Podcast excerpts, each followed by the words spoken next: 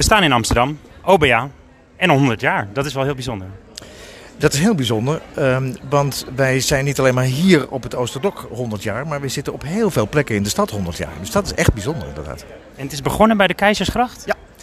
Uh, ooit in 1919 is er een grote eerste OBA-vestiging op de Keizersgracht gekomen. We zijn eigenlijk heel snel, twee, drie jaar later, in Noord terechtgekomen op twee plekken. In Oud-Noord, waar we nog steeds een vestiging hebben. Die heet nu OBA van der Pek. Um, en in Tuindorp Oostzaan. En die vestiging zit nog wel in die wijk, maar die is verplaatst naar Molenwijk. Maar dat zijn echt onze oudste vestigingen in Amsterdam. Ja, en u bent directeur hè, van ja. het OBA. Ja, daar ben ik. Ben ik niet zo lang hoor. Uh, ik ben uh, uh, vijf jaar directeur hier. Maar wat wel bijzonder is, is dat ik in die honderd jaar de zesde directeur ben. Dus de directeuren, als ze er eenmaal zitten, hebben ze het zo naar hun zin dat ze best een tijd blijven. In 2014 werd er ook gestemd op de EU. In 2019 wordt er ook weer gestemd Ja. op de EU, voor het Ja. parlement natuurlijk. Ja. En er gebeurt heel veel in 2019. Ja, er, is, er gebeurt van alles in 2019. Uh, uh, Ajax is kampioen geworden, om maar eens even iets praktisch uh, te noemen. had Vrouwenrechten ook 100 jaar? Zegt oh, je bedoelt die 100-jarige periode. Ja, er zijn. Kijk, wat ik denk is dat je moet bedenken. Um, die wereld die is natuurlijk tussen 1914 en 1918 in oorlog geweest. En Nederland was dan wel neutraal. Maar alles lag stil. de economie lag plat. Dus er waren een heleboel dingen die in de lucht hingen. Die eigenlijk net voor de oorlog niet tot stand waren gekomen. En je zou dus kunnen zeggen, 1919 was eigenlijk weer zo'n weer zo'n jaar van bloei. Er konden weer dingen. En daar, nou ja, is dat vrouwenkiesrecht volgens mij een onderdeel van. Maar is inderdaad ook die 100-jarige OBA een onderdeel van. Ja, en hoe vaak zegt u nog Openbare Bibliotheek Amsterdam? Want het is natuurlijk gewoon een begrip, hè, OBA? Ja, um, ik zeg dat uh, uh, bijvoorbeeld als ik uh, met de bank bel over ons bankrekeningnummer. Um, en ik zeg dat als ik buitenlanders hier uitnodig. Als ik dan zeg OBA, OBE zeg ik dan. Public. Is een, is een acronym voor Amsterdam Public Library. En dan begrijpen ze het ineens weer. Ja, en het is natuurlijk een hele mooie locatie ook hier in uh, Amsterdam Centraal. Want je hebt hier natuurlijk ook het Oosterdok. En dan heb je dat nu vandaag ook weer de expeditie die dan ja. de route dan in ja. één keer weergeeft. Ja, nou ja, weet je... Um, je, je, moet je dus voorstellen, en dat is wel een grappig beeld hoor. Je moet je voorstellen dat mijn voorganger Hans van Velzen, uh, die hier natuurlijk ook is uh, bij dit feestje, die heeft echt nog een heleboel mensen moeten overtuigen van het idee. Um, 15 jaar geleden, dat dit een plek was waar je zo'n grote openbare bibliotheek zou kunnen neerzetten. Want niemand had toen, het was toen het grote postrangeerterrein bij het station, niemand had toen enig beeld dat dit een zo uh, intensief onderdeel van de stad zou worden. En moet je nu eens even kijken, en dit is nog niet eens klaar, hè, want dat moet nog een enorm groot uh, gebouw hiernaast uh, komen. Maar rondom dat Oosterdok ontstaat, hè, samen met een heleboel partijen, met marineterrein, met Nemo, met Scheepvaartmuseum en eigenlijk alle alle horeca en kleinere organisaties hieromheen, realiseren we ons ineens, ja, maar wij zijn misschien wel een bestemming van een net zo grote kracht als de Kalverstraat of als het Museumplein of nou, noem maar een paar andere bestemmingen nog in Amsterdam. Dus dat Oosterdok, ja, dat begint echt in zijn samenhang wel iets heel bijzonders te worden. En 100 jaar mag gevierd worden. Hè? Dan wordt er ook natuurlijk om de omgeving, de hotels doen mee en ja. zeggen een kopje koffie voor 100 cent. Ja. Uh, hier heb je de 100 cent pannenkoek. Ja. En volgens mij komt het wel vaker voor dat de bibliotheek dat soort acties gaat doen misschien. Ja, nou ja, daar helpt dat Expeditie Oosterdok-plan natuurlijk ook heel erg voor. Hè? Omdat wij uh, uh, eigenlijk een paar jaar geleden zijn begonnen met de partijen hier wat met elkaar uh, te praten. En zijn er eigenlijk achter gekomen, ja, Weet je wat misschien wel veel slimmer is dan allerlei nieuwe dingen bedenken? De dingen die we al bedacht hebben en de programma's die we al maken, proberen in een wat, wat mooier verband met elkaar te brengen. En te zorgen dat we elkaar een beetje helpen. Dus dit jaar is dan de aanleiding voor zo'n open dag uh, 100 jaar OBA. Volgend jaar is het ongetwijfeld weer wat anders.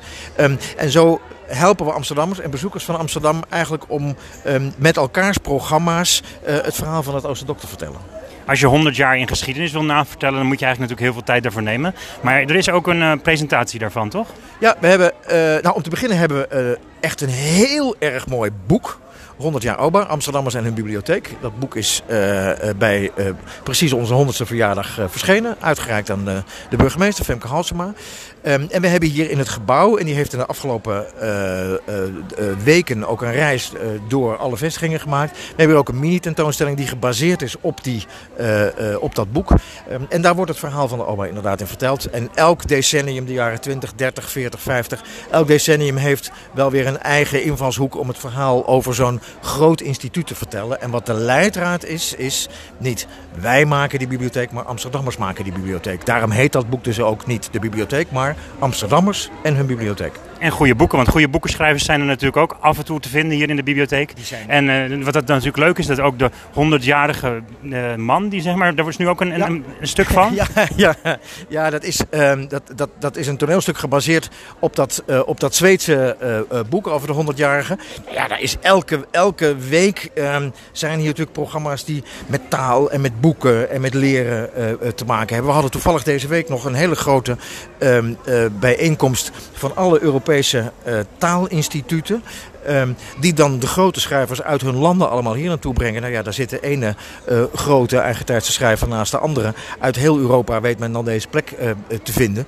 Um, en dat vinden wij natuurlijk mooi, want dan doen wij met deze bibliotheek wat eigenlijk Amsterdam al vele honderden jaren is. Namelijk een stad van um, boeken en een stad van uitwisseling van het vrije woord zijn. En dat vinden wij natuurlijk een mooie rol zeven dagen per week, open voor iedereen. En natuurlijk ook uh, ja, best wel veel met allemaal dingen die je kunt doen, uh, heel veel dingen die je kunt bezoeken. Een heel druk programma en voordat je het weet ben je dan 101 straks. Sterker nog, um, morgenochtend worden wij wakker. Um, en dan realiseren we ons dat het programma is afgelopen. Um, en dat wij aan die volgende eeuw moeten gaan beginnen. Want wij zijn nog, het duurt nog een paar maanden, maar het feest is afgelopen. En een van de allerleukste uh, nieuwtjes die we nu uh, uh, net deze week gehoord hebben, is dat er net door het college van BMW van deze stad een mooi besluit is genomen.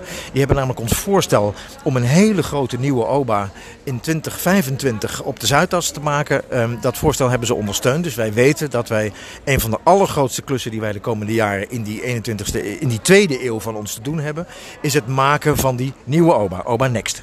Het is wel gek, hè? want je hebt 020 natuurlijk Amsterdam en dan zitten we in de 21ste eeuw. We zijn dan ver voor, voorbij. Niet 020. Um, ja, daarom heet ons maakplaatsprogramma ook 021. Um, um, weet je wat het is?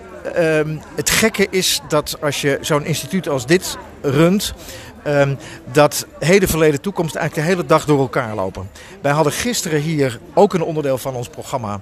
Hadden wij een programma waarbij we uh, uh, uh, de finale hadden. En we hadden kinderen gevraagd een bibliotheek van de toekomst te ontwerpen. Gewoon jonge kinderen, zes, nee, iets ouder. Acht, negen, tien jaar.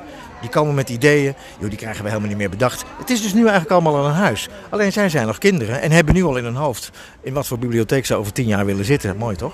Tijd kan iets verwarrend zijn, het kan ook iets prachtigs zijn. Je kunt door de tijd reizen als je een boek leest natuurlijk. En als je gewoon hier een tijdje je beleeft, hier de piano bijvoorbeeld, of je gaat boven zitten op het terras, uh, iets lekker eten en dan gezellig kletsen met elkaar. Dan kun je lekker babbelen en dan kan van alles gebeuren natuurlijk. Ja, en dat is denk ik een van de allerbijzonderste uh, elementen van zo'n groot bibliotheekgebouw als dit. Um, je kunt in jezelf zijn, je kunt jezelf zijn, je kunt met elkaar zijn. En je kunt dat eigenlijk allemaal in een changement van een minuut. Dus je kunt met je rug naar iets toe zitten en helemaal genieten van het uitzicht met een boekje op je schoot. En je draait je om en je bent ineens onderdeel van een programma of een activiteit. Of je bent, en dat vind ik altijd het allermooiste om te zien, Um, um, je bent gewoon even iets aan het, aan het leren. Als je door dit gebouw loopt, hè, ik kom zo vroeg hier s morgens binnen dat ik dan nog niks te zien heb. Dan zie ik alleen nog maar de schoonmakers. Um, maar als ik eruit ga, dan ga ik nooit met de lift, maar dan ga ik altijd met de roltrap en dan kijk ik om me heen. En wat ik het altijd het allermooiste in dit gebouw vind, is een tafeltje met twee of drie mensen. Um, die elkaar iets uitleggen, die elkaar leren, die elkaar verder helpen. En dat brengt mij altijd tot de, conclusies, tot de conclusie: Amsterdammers um, kunnen elkaar heel goed um, uh, verder helpen. Alleen ze moeten wel een inspirerende plek hebben waar dat gebeurt. En die leveren wij. Ik ga toch een paar simpele vragen stellen die gewoon in me opkomen. Ja. Zoals: bent u een hond of een katpersoon? Dan zou ik mezelf toch een hond noemen. Uh, s ochtends of s avonds wakker worden? Ik ben een enorm ochtendmens. een boek of een luisterboek? Een boek. En uh, Amsterdam of uh, zijn er ook nog vele steden waar u heel erg van houdt? Er zijn andere steden waar ik van hou, maar ik voel me wel een enorme Amsterdammer. Ja, Amsterdam is natuurlijk heel blij met u. Uh, ik hoop dat u het heel lang ook mag blijven doen als directeur hier zijn. En dat we heel veel mogen beleven van het OBA, wat iedereen natuurlijk van mag genieten. Hartstikke bedankt voor dit leuke interview. Dankjewel.